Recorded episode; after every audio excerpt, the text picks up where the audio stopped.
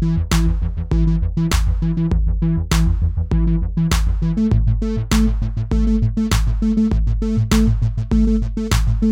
till Pappa Chef-podden. Podden om föräldraskap och ledarskap. Jag heter Johan Palmberg och det är jag som är själva pappachefen. Vem är jag? Fembarnspappa, chef och ledare i olika roller hela mitt yrkesliv. På fritiden så gillar jag att hålla på med musik, spela in podd, springa. Podden handlar om svårigheterna och möjligheterna med kombinationen förälder och chef. Vad kan man lära sig av ledarskapet på hemmaplan som är användbart i jobbet och tvärtom?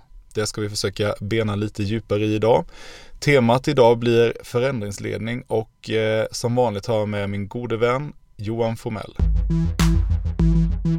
Johan Formell, eh, du är co-host på den här eh, poddinspelningen. Ja, jag har ju blivit det. Ja, roligt. Eh, jag tycker för de som inte lyssnade förra gången, vem är du? Eh, Johan Formell heter jag och eh, jag har ett eget företag med eh, åtta stycken anställda som jag driver. Och tre barn, en fru. Och typ det är jag. Mm, tycker det är kul med ledarskap och Ja. så vidare. Mm. Vad har hänt sen sist vi träffades och pratade? Ja, vad har hänt sen sist? Egentligen inte jättemycket. Nu är det ju två veckor sedan vi träffades senast. Eller tre, fyra kanske. Ja, precis. Någonting sånt. Nej, men eh, nytt... Eh, nya utmaningar dyker upp hela tiden. Ja, och det är klart man tänker ju på nya saker hela tiden. Och eh, ja, ledarskap är ju föränderligt. Och det är lite det vi ska ta upp idag. Mm, precis. Har det hänt något själv sen sist? Alltså jag, en kul grej bara som jag tänkte på när jag förberedde det är att eh, jag har reflekterat, eh, egentligen alla år som jag har varit chef så har jag funderat på det här med vad man visar för bild för sina barn när man kommer hem från jobbet. Och eh, häromdagen så satt jag och pratade med min 12-åriga dotter, snart 13 år. Ehm, och så sa hon eh, liksom att pappa, det absolut sista jobbet jag någonsin vill ha det är ditt jobb. Ja men varför då liksom? Ja men du är ju aldrig glad när du pratar om ditt jobb. Det var ju så här, det var ju ingen kul grej. Och så här, finns det verkligen inget jobb som är sämre? Och då funderade hon lite och så tittade hon ut på vår trekammarbrunn hemma, för vi bor ju på landet. Hon bara, ja kanske han som tömmer den brunnen då. Den är, ju, den är ju god att få. Så jag bara, jag, jag, jag känner ju att det finns ett behov av, eh, om inte annat i självterapeutiskt syfte, att göra den här podden och prata om föräldraskap och ledarskap. Liksom. Absolut, eh, och det är absolut en utmaning någonstans. Alltså, I och med att vi spenderar så mycket tid på jobbet så måste vi kanske någonstans finna glädjen även där. Exakt, verkligen. Eh, Sen ska vi ju någonstans säga också i den här podden att vi är goda vänner sedan länge. Mm. Och eh, vi gillar ledarskap. Mm. Vi gillar när andra människor växer. Eh, vi är inga experter eh, på det heller, men någonstans har vi under ganska lång tid eh, varit chefer, leder andra människor. Eh, vi har haft våra mörker Mm. som vi har mött båda två. Eh, och om någon eller några kan hjälpa till den här podden så är jag jättenöjd och glad. Exakt, och det är det som gör att det känns, som sagt, både värdefullt för en själv, men kanske också att man tänker att det skulle kunna vara för någon annan med. Precis. Förra gången så hade vi ett avsnitt som vi kallade för Maratonchefen. Ja. Det var, det var kul och jag, jag måste säga jag hade kanske väntat mig att det var eh, vi och så våra tvingade fruar då som lyssnade på det här, möjligtvis någon syster eller så. va. Och någon förälder. Ja, mina föräldrar vet inte vad podd är. Men, men eh, faktum är att eh, det är ju ganska många lyssningar. Och vilket är jätteroligt. Och vi har fått en hel del liksom, glada tillrop och Ja, med. positiv, mycket positiv feedback. Ja, du hade ju fått frågan här nu ifall det inte kom nytt avsnitt. Ja, precis. Och det är väl någonstans jätteroligt. Ja, superkul.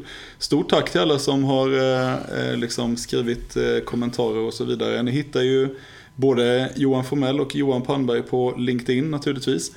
Och är det så att man har någon synpunkt och vill tycka till mer så kan man faktiskt mejla till den helt nya mejladressen pappachefen at gmail.com pappachefen at gmail.com Gör det ifall ni tycker att vi borde prata om något annat eller om ni tycker att vi har dålig ljudkvalitet eller att vi borde ha en annan dialekt, vad det nu kan vara. Men du, jag måste fråga Johan, på tal om förra gångens tema, hur går löpträningen? Eh, Jag har eh, varit ute idag. Eh, Cyklat dock. Ja, Jag finner någonstans, ja det är någon träning, jag finner någonstans att mina tankar, jag sorterar mina tankar väldigt väl när jag tränar. Mm. Eh, Och det är otroligt viktigt för mitt ledarskap Och för den jag är, att någonstans kunna sortera tankarna eh, på något sätt. Och då har jag hittat att om jag springer eller cyklar eller någon form av träning så där sorterar jag tankarna bäst och där, det blir som en reflektionsstund. Mm. Även att det är jobbigt. Kan det vara lite svaret kanske på förra gångens frågeställning då varför det är så många chefer som på något sätt ändå utmana sig själva i, i träningsspåret och så vidare. Det kanske handlar om att man får ett tillfälle att sortera tankar och så mm. vidare. Jag tänkte faktiskt på det eh, senaste dag, att det, det, kan nog vara så. Att man någonstans eh, finner den här stunden man är själv. Man har inga andra krav eh, på sig överhuvudtaget. Utan mm. någonstans där får man sortera och där får man tänka och reflektera som jag tror någonstans är väldigt viktigt. Mm. Ja men jättebra och jag kan väl säga för min egen del då så har jag faktiskt hunnit eh, två träningspass denna veckan och eh, imorgon är det dags för årets första milrunda i löpning. Ja, det känns ju inget vidare, men nu, nu är vi på G. Så nu är det bara att hålla i. Idag ska vi prata om eh, ett annat tema. Mm. Förändringsledning. Ja. Det är någonting som du själv har flaggat för att du gärna skulle vilja prata om.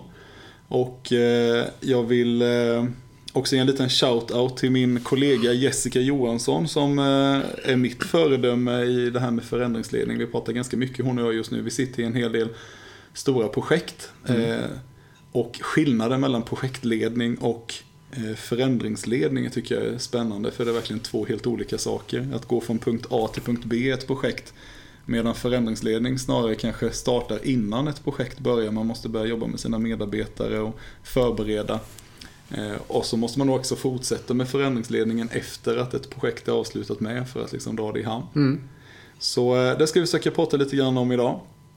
Men Johan, eh, om vi får börja med en fråga. Mm. Varför måste en chef kunna leda i förändring? Eh, med tanke på hur snabbt saker händer idag eh, så behöver vi någonstans vara medvetna att gårdagen och idag eh, ser inte likadana ut. Mm. Utan, och morgondagen kommer också vara annorlunda. Vi kommer möta nya utmaningar, nya händelser. Och därför måste någonstans eh, omfamna förändring. Mm. Och bara någonstans konstatera att det är en del av den vardagen som vi har. Eh, och eh, vi behöver förbereda oss. Vi behöver någonstans eh, komma framåt hela tiden. Och då är förändringsarbete, vi kan ta som ett exempel, vi som jobbar med eh, dataprogram. Mm. Hade vi fortsatt att köra de sakerna vi körde på 90-talet, DOS, och inte gått över till Windows, eh, då hade det där företaget inte funnits idag. Mm. Eh, det är ett exempel. Mm. Eh, vi fostrar inte en femåring som vi fostrar en 15-åring. Mm. Det är ett också exempel på hur vi liksom behöver förändra oss när, och nya sätt. Vi pratade faktiskt om det idag. Jag satt med ett gäng och pratade om eh, hur annorlunda det är att växa upp som barn idag jämfört med mm. bara när vi växte upp mm. på 80-talet, 90-talet. Mm. Eh, och ett exempel på det är ju att när, när min 10, eh, nu 11-årige son då kommer till skolan och ska ha engelska lektion så är ju inte liksom läroböckerna anpassade längre för han har suttit och lärt sig prata engelska via YouTube och mm. skypa och spela online-spel eh, i flera år. Så han, hans vokabulär är ju mycket, mycket större än vad skolan tänker att man ska lära sig i liksom tredje, fjärde klass. Ja. Så, så, det händer ju liksom, det är verkligen föränderligt. Det är föränderligt, ja. Det, där står ju skolan inför en utmaning eh, där, de gäller, där det gäller att hänga med som lärare. Eh, mm. Vad ger jag för uppgifter? Vad ger jag för utmaningar? Hur ser jag till att eh, det faktiskt blir att de elever vi har växer och lär sig? Mm. För det är hela tiden en utmaning någonstans att få människor att växa och det är lite den här podden handlar om. I mångt och mycket. Eh, att få människor att växa och bli bättre på något sätt. Mm, verkligen. Eh, vi har ju ett ansvar som föräldrar att få våra barn att växa mm. naturligtvis. Och som chefer, du och jag då, har ju också ansvar för att se till att våra team och våra medarbetare har en liksom ja. bra jord att sätta fötterna i på något sätt. Absolut. Så när man ska leda i förändring då, eh, då tänker jag så här att många gånger så, så är det ju precis som du är inne på, man måste vara beredd på att det, det sker förändringar och det blir ju lite grann den här ad hoc-ledningen, man, man anpassar sig efter situationen som dyker upp. Mm. För det går inte att veta från dag till dag hur det ser ut. Eh, men i vissa frågor så går det ju faktiskt att förbereda. Mm. Vissa förändringar kan man ju faktiskt eh, arbeta med innan de sätter igång och även arbeta med efter att de eh, egentligen är genomförda kan man ju mm. säga. Och jag tänker så här att kan vi förbereda oss själva och våra medarbetare eller vår familj på de förändringar som kommer så tänker jag att chansen är bättre att vi lyckas nå hela vägen fram. Mm.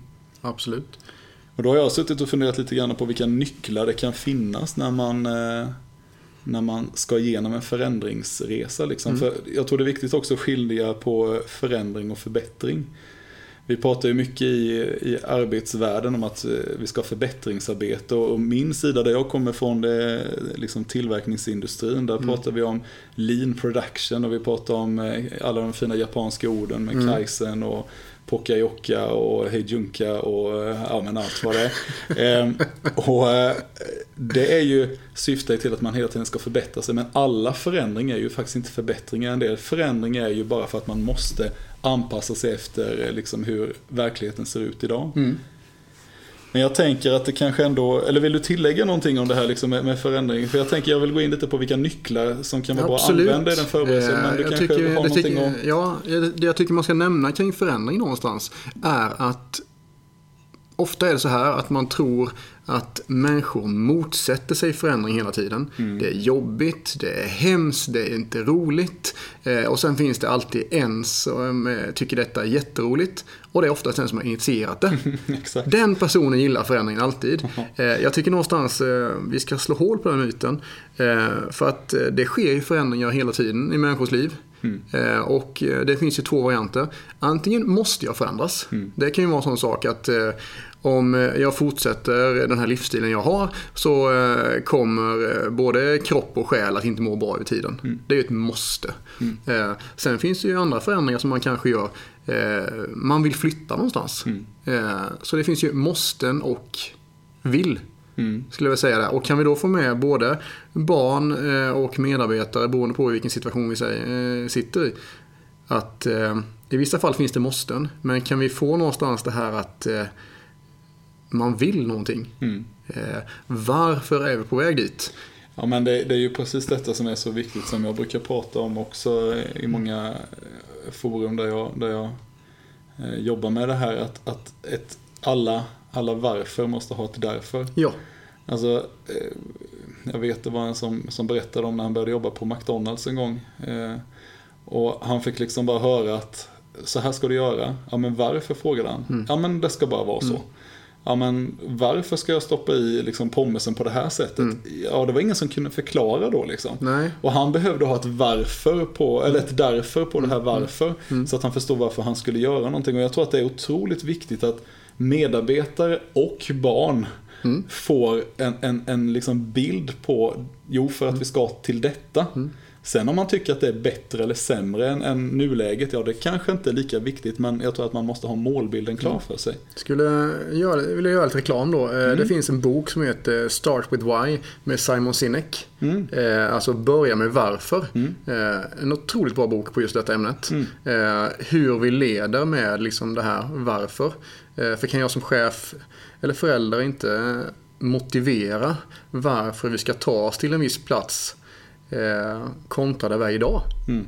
Så blir det väldigt svårt att få med sig de som ska följa med. Mm. Och eh, den resan vi har gjort eh, här på jobbet här, vi har gjort en otroligt stor generationsväxling. Mm. Och där har vi jobbat in en kultur under många, många år eh, som jag idag skulle säga är väldigt, väldigt stark. Mm. Eh, eh, Och vi behöver en stark kultur och det har alltid varit det. Vi jobbar med den här kulturen varannan vecka. Mhm. Och det, Hur gör ni det? Vi har våra måndagsmöten och varje måndagsmöte som jag tror jag kanske nämnde det förra gången. Så um, pratar vi lite kring den här kulturen eh, på något sätt. Eh, och väver in de bitarna där och någonstans eh, så att människor förstår varför detta är viktigt. För att har vi en stark kultur hemma eller på jobbet så kommer det bli betydligt lättare när utmaningar kommer. Mm. Ja, det, det pratade vi lite om sist precis som du säger och det är nog verkligen en, en nyckel. En, en, en familj som inte fungerar klarar ju förändringar sämre, helt övertygad Mm. om. Och likadant en arbetsplats. Jag var på ett eh, företag för ganska många år sedan på ett studiebesök och eh, ja, det spelar ingen roll, de finns ju tyvärr inte kvar i Sverige så jag kan ju säga vilka det var. Det var en, en gräsklippartillverkare som gjorde gula gräsklippare. I Tranås så kan man ju räkna ut själv vilka det var. De gör även pingisbord eh, men i vilket fall, ja, i vilket fall så var vi där och tittade på deras eh, fabrik och de hade gjort stora ombyggnader och gjort ett löpande band och de hade liksom verkligen Mm. arbetat med det som vi då kallar för lean och få ett, ett taktat flöde och så vidare. Jättefint. Och så hade de bilder på hur det såg ut innan då när man jobbade mer ineffektivt. Mm. Och en sak som de hade gjort då för, för att ta med sig sina medarbetare på den resan, det var ju att sätta upp ett jättetydligt mål. De hade gjort det så visuellt så de hade till och med tryckt upp en skylt som hade satt högst upp i taket och så stod det förändring är vår överlevnad. Mm. Eh, och, och jag frågade liksom varför sitter den där? Jo men för vi var tvungna att påminna oss om varje dag varför vi höll på med att riva upp hela fabriken och flytta på allting och ändra på allting som folk var vana vid. Varför gör vi det? Jo, för att annars så överlever vi inte liksom, som företag. Tyvärr så räckte det inte hela vägen för dem ändå utan de liksom blev uppköpta av utländsk företag och så blev det utflyttat till Mm. LCC-länder liksom, som det tyvärr är ibland.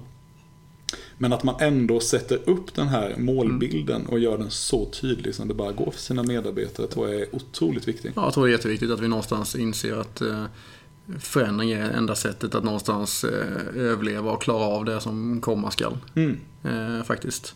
Ja men det finns ju gott om exempel på företag som inte har klarat den förändringen. Oh, ja. Eh, De som liksom trodde att eh, skrivmaskinen skulle överleva datorn och så Mm. vidare. Eh, Det är ju så här att det vi lever i idag är ju, är ju en, en, en värld där traditionella branscher kastas omkull fullständigt. Ja.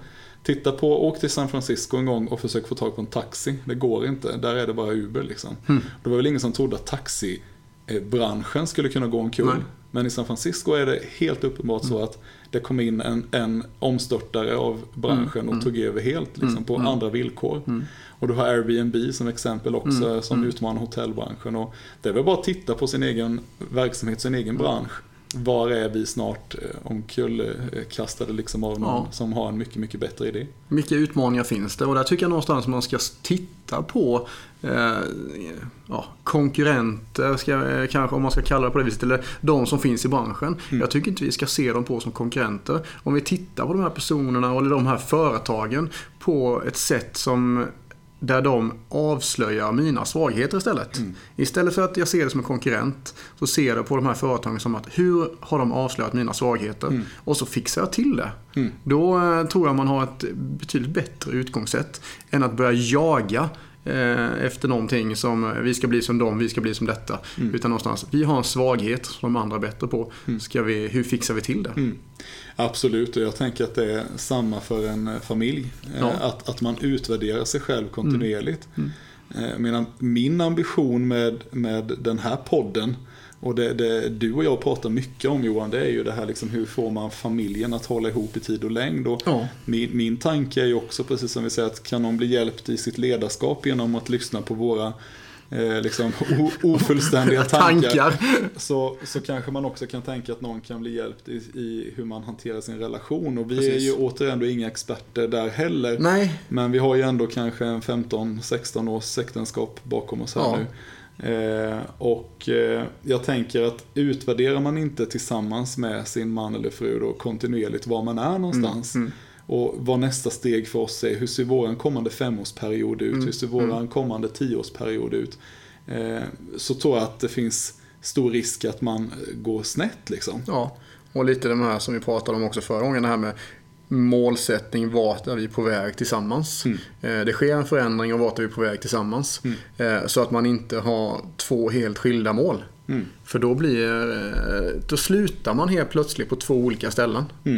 Och eh, det är det är då jag tror det blir tufft. Ja, det kan ju vara helt förödande. Och, Mm. och min, min bild är ju, nu kommer det säkert vara någon som tycker att det här är helt fel att säga, men eh, liksom jag tycker att målsättningen med ett äktenskap är att det ska hålla hela livet. Ja, Jag vet att jag har eh, liksom kollegor, tidigare kollegor som har sagt att ja, ja, men vänta bara, du kommer också skilja dig en dag. Jag känner Mm. bara att, vad är det för inställning liksom? Mm. Min målbild när jag är gift med är att jag ska hålla ihop med min fru hela livet. Om inte annat så tänker jag att mina barn ska få växa upp liksom i en, Mm.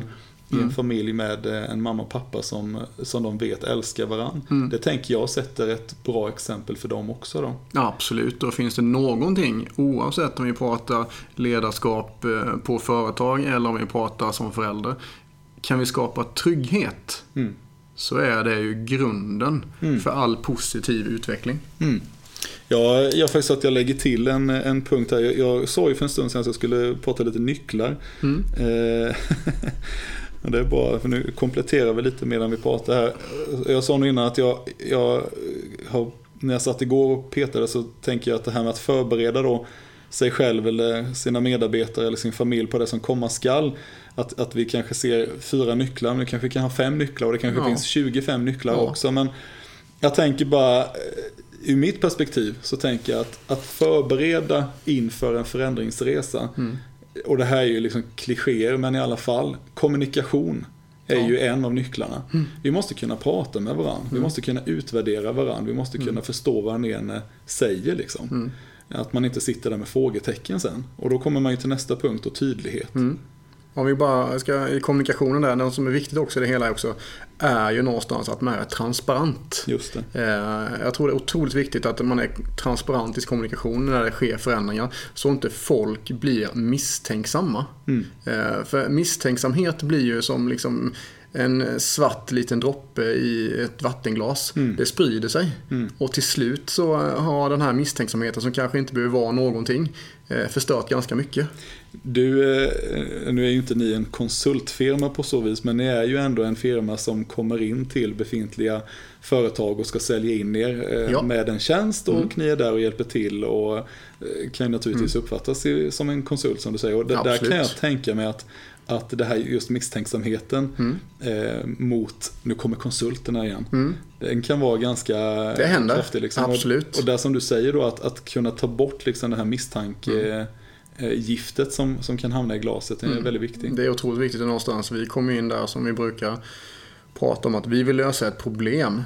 Ser vi att vi inte kan lösa det här problemet, då backar vi betydligt hellre. Och där kan jag ju verkligen eh, bekräfta det du säger för precis den dialogen har vi haft. Mm. Jag behöver inte gå in på liksom eh, bakgrund och så vidare men vi har suttit i de här diskussionerna i Ja. våra respektive eh, vardagar Mm. och, och så har ni varit tydliga med och sagt att ja, men det ni säger till oss just nu kan vi inte riktigt liksom eh, Kan inte lösa leverera. Nej. Eh, Och det har varit en grundbult före min tid också. Mm. Eh, Att just det här att vi lovar ingenting som inte vi kan hålla. Mm. Och det har vi sett över tid att det är ett otroligt bra koncept. Det här tror jag fler företag skulle lära sig av Mm. liksom, och behöva använda.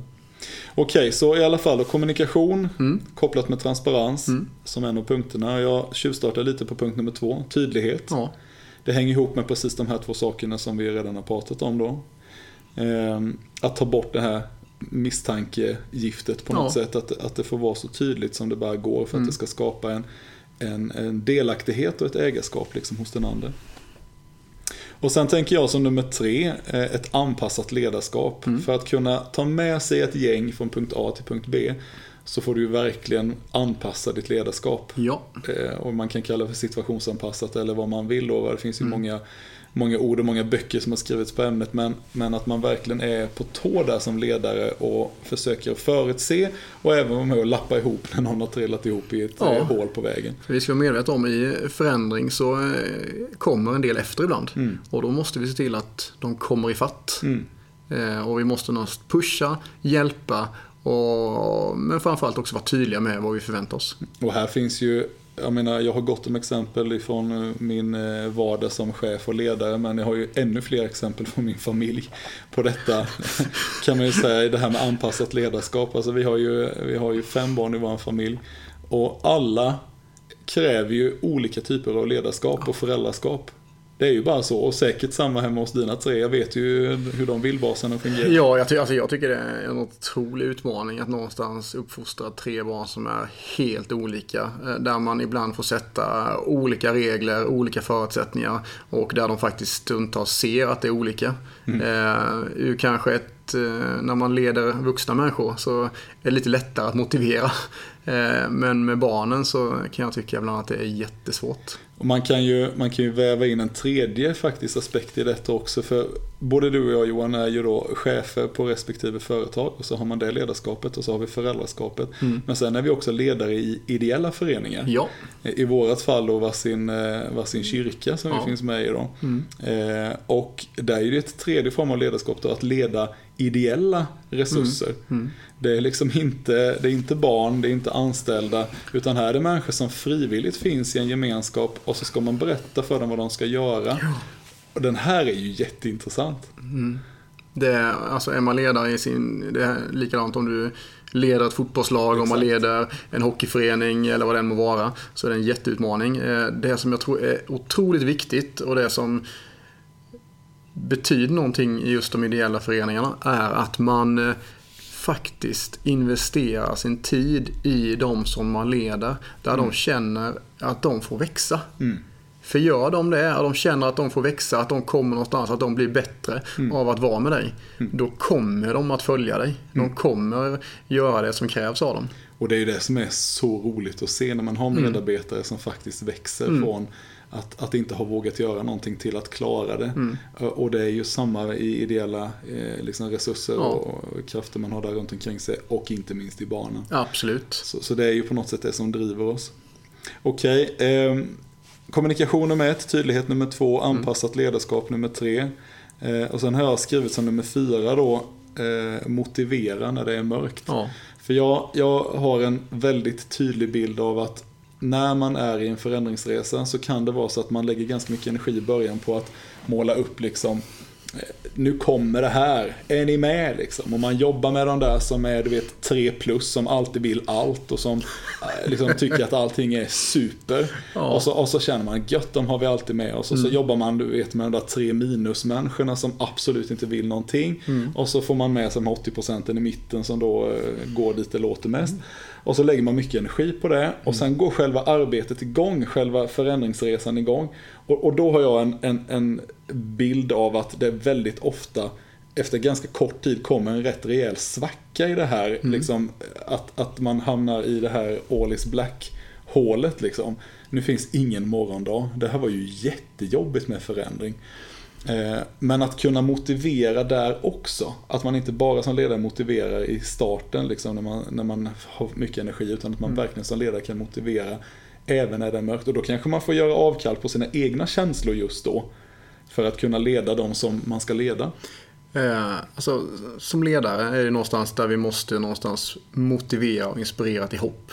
Om att eh, morgondagen är lite ljusare. Det finns en morgondag. Jag har eh, ovanför eh, dörren på kontoret så står det “Yesterday ended last night”. Ja, jag gillar den. Eh, och någonstans, alltså, man gör fel. Det blir inte alltid som vi har tänkt oss. Eh, man kan ha haft en kanondag. Eh, men det betyder inte att morgondagen behöver bli precis likadan. Eh, oftast är det, har haft en bra dag, då går man oftast in i den dagen med alltså, ganska stort självförtroende. Men har du haft en tuff dag, du har misslyckats, du har inte fått med det du har tänkt dig. Eh, så be- behöver jag bli påmind ganska ofta att det var gårdagen. Nu är en ny dag och nu kämpar jag på med det som jag har. Jag tycker det är viktigt även när det gäller barnen. Eh, att vi någonstans, ibland kan vi bli så åh nej, jag sa det, jag gjorde det. Eh, eh, jag betedde mig på det här viset och man någonstans får dåligt samvete. Utvärdera, släpp det och gör det bättre nästa gång. Precis, och jag, jag säger det att, att kunna gå till, till sitt barn på kvällen när jag ska sova, även om man har bråkat hela dagen, och kunna gå till och säga förlåt att pappa blev så arg. Det blev jättedumt idag. Eh, Och så blir det liksom kramar och pussar och, och ändå att man, att man får förklara att man älskar varandra. Alltså Ja. det är ju någonstans, för då har du snosknappen där. Precis. Då får du börja om igen liksom. Och jag, jag tror att det finns en, en, eh, en stor liksom, eh, sak att lära sig i sitt ledarskap i arbetet. Eh, Från sitt föräldraskap, för där är det ganska mycket mer självklart att man, man har den dialogen kanske då, att man ber om förlåtelse och man ser till att allting blir bra i- och sådär innan man går och lägger sig. Men, men där är vi ju inte lika, jag är i alla fall inte lika bra på jobbet på det. Att, att prata färdigt om de där sakerna som man behöver prata färdigt om och se till att det kommer bort ur, ur vägen. Liksom. Ja, jag ska absolut inte utvärdera mig själv här för jag vet att mina kollegor lyssnar. Eh, Så jag vågar inte göra det. Men, Det är de som mejlar till, det är de som kommer mejla sen till pappachefen Ja, precis. Coaching.com. Vi behöver hjälp. Eh, nej, men vad jag märker är att eh, många som leder andra människor eh, upplever mycket rädsla efter att man misslyckats. Ja. Eh, och jag tillhör absolut den kategorin och tänkte vi kunde få väl ta upp det någon gång. Just det, rädsla versus mod så att säga. Ja. Alltså, hur eh, blir jag modig? Hur vågar jag komma vidare? Eh, för att vi kan inte liksom vi kan inte låta gårdagens rädsla påverka morgondagen. Mm. Och jag skrev faktiskt upp det här som ett tema för, eh, för framtiden. Felkultur kallar jag det. Mm. Eh, att, att man kan använda fel som ett värde. Mm. Att man lär sig någonting av det. Men nu hamnar vi lite, lite från Lite sidan här. Men, men det, det handlar, handlar om det här som vi pratade Mm. om. Att kunna motivera sina medarbetare. Precis. Sina, sina barn, sin familj. När man går igenom en tuff situation. Mm. För som chef, som ledare, som pappa, som mamma. Så, så måste man ibland vara den där som tar på sig liksom stålkavajen och säger att Ja, jag, jag har fått liksom ett ton skit på mig här idag men nu måste vi av axlarna och så säger vi häråt ska vi. Nu kör vi. Och jag har en kollega som, som eh, är så bra på det där ibland tycker jag. Hon kommer till mig och säger du vet, det kan bli bättre än man tror. Mm. För när man sitter i det där hålet så kan det vara lite svårt att se hur, det, hur man ska ta sig upp. Men då, då kommer hon ofta med det där. Du vet att det kan bli bättre än man tror. Mm. Och som ledare tror jag det är otroligt viktigt att man är med och, och liksom visar på den möjligheten. Absolut, men samtidigt även när man tar på sig stålkavajen just det här att våga visa sårbarheten. Mm. Eh, vi bär på stålkavajen och det har hänt mycket och någonstans där kommer modet in. Jag, Mm. eh, jag kör på nu. Jag vet vad vi ska ta vägen. Mm. Och just i en större förändring så tror jag det är otroligt viktigt att veta var man är på väg någonstans. Mm. Så kommunikation, tydlighet, anpassat ledarskap, motivera när det är mörkt och sen vill jag då lägga till den som du nämnde i, innan vi började rabbla upp de här. Det var ju trygghet som du nämnde då. Att det är ju en sån otroligt central del och det kanske är så att det egentligen är grundfundamentet i alla de andra delarna vi Ja, pratar om här. jag för, tror det. för har du en kultur som är trygg och som andas trygghet i en familj, på en arbetsplats. Då har du en transparent kommunikation, då finns det utrymme för tydlighet. Då kan du anpassa ditt ledarskap utan att du liksom riskerar att tappa ansiktet. Eh, och det blir naturligtvis lättare att motivera också i, i det mörka hålet om Ja. det finns en trygghet bakom. Här tror jag, om vi pratar medarbetarna, eh, om de känner sig trygga, om de ser att jag fattar beslut som gynnar gruppen och företaget och dit vi ska. Jag fattar inte beslut som gynnar mig. Mm. Då känner de sig trygga och att jag faktiskt sätter deras eh, välbefinnande eh, väldigt högt. Då blir man trygg. Även om det är svåra beslut. Det kan jag tycka är svårare med, med barnen. För de, de förstår absolut inte alls ibland. Varför får jag inte ha paddan eh, 17 timmar idag? Nej, och vet du vad, jag tror att vi är sämre också på att förklara för den. För där kan jag ju själv vara sån här bara, ja men bara lyssna på din pappa. Liksom. Livet är orättvist. Lär dig.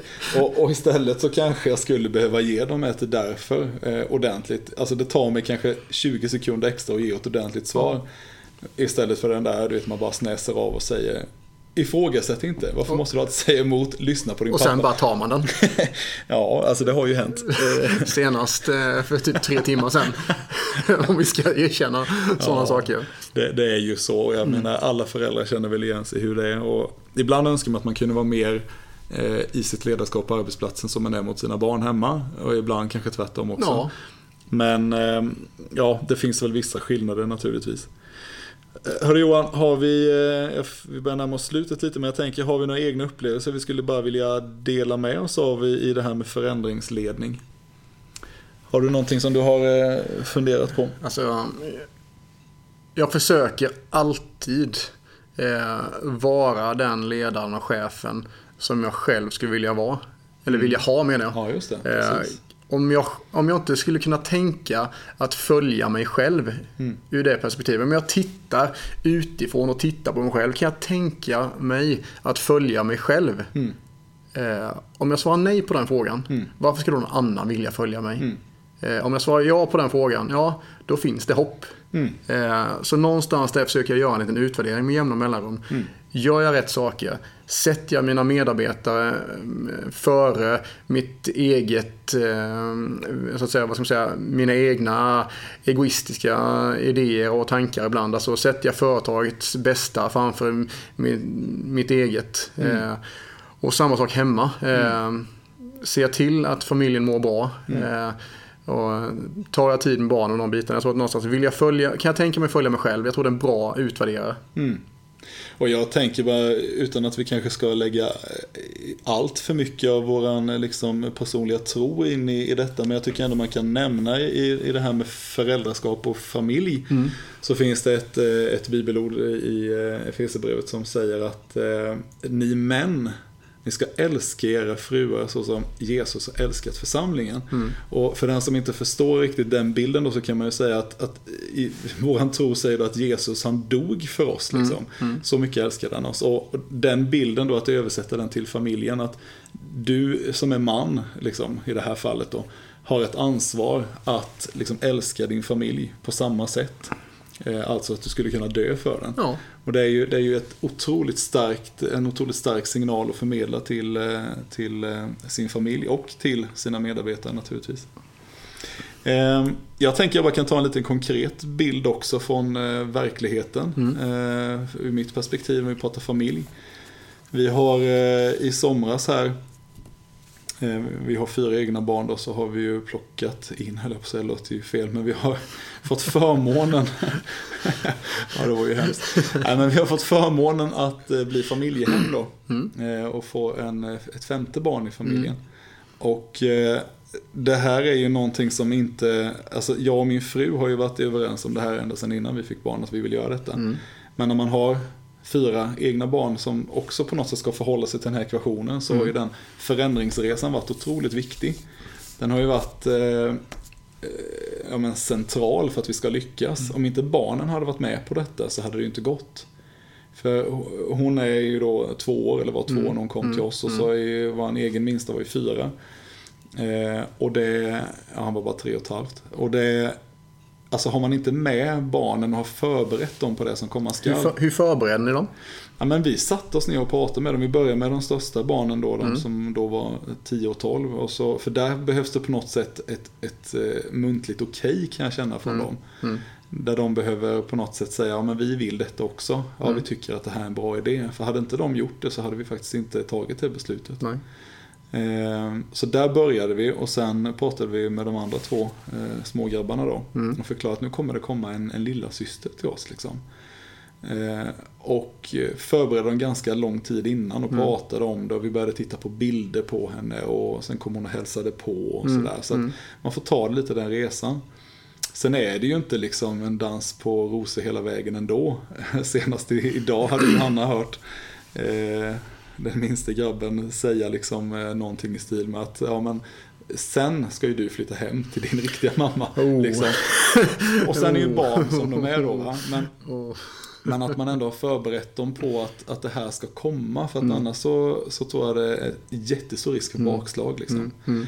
Och det här, det här, eh, den, den övningen att förbereda, jag tror aldrig man kan förbereda för mycket. Vare sig Nej. det handlar om barnen i en förändring där eller en förändring på arbetsplatsen.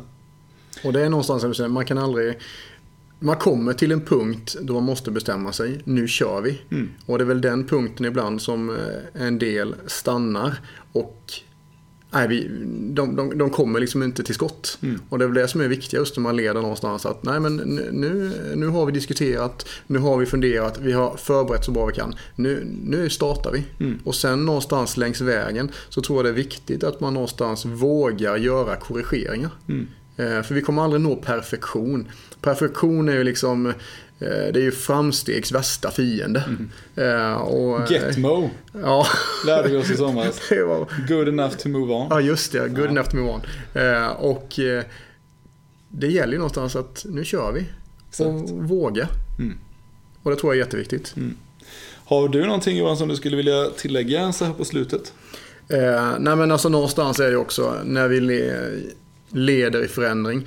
Eh, gör en liten inventering av dig själv. Mm. Är du förändringsbenägen? Eh, vågar du förändras? Ser du i dig själv, i ditt ledarskap, vad som behövs förändras?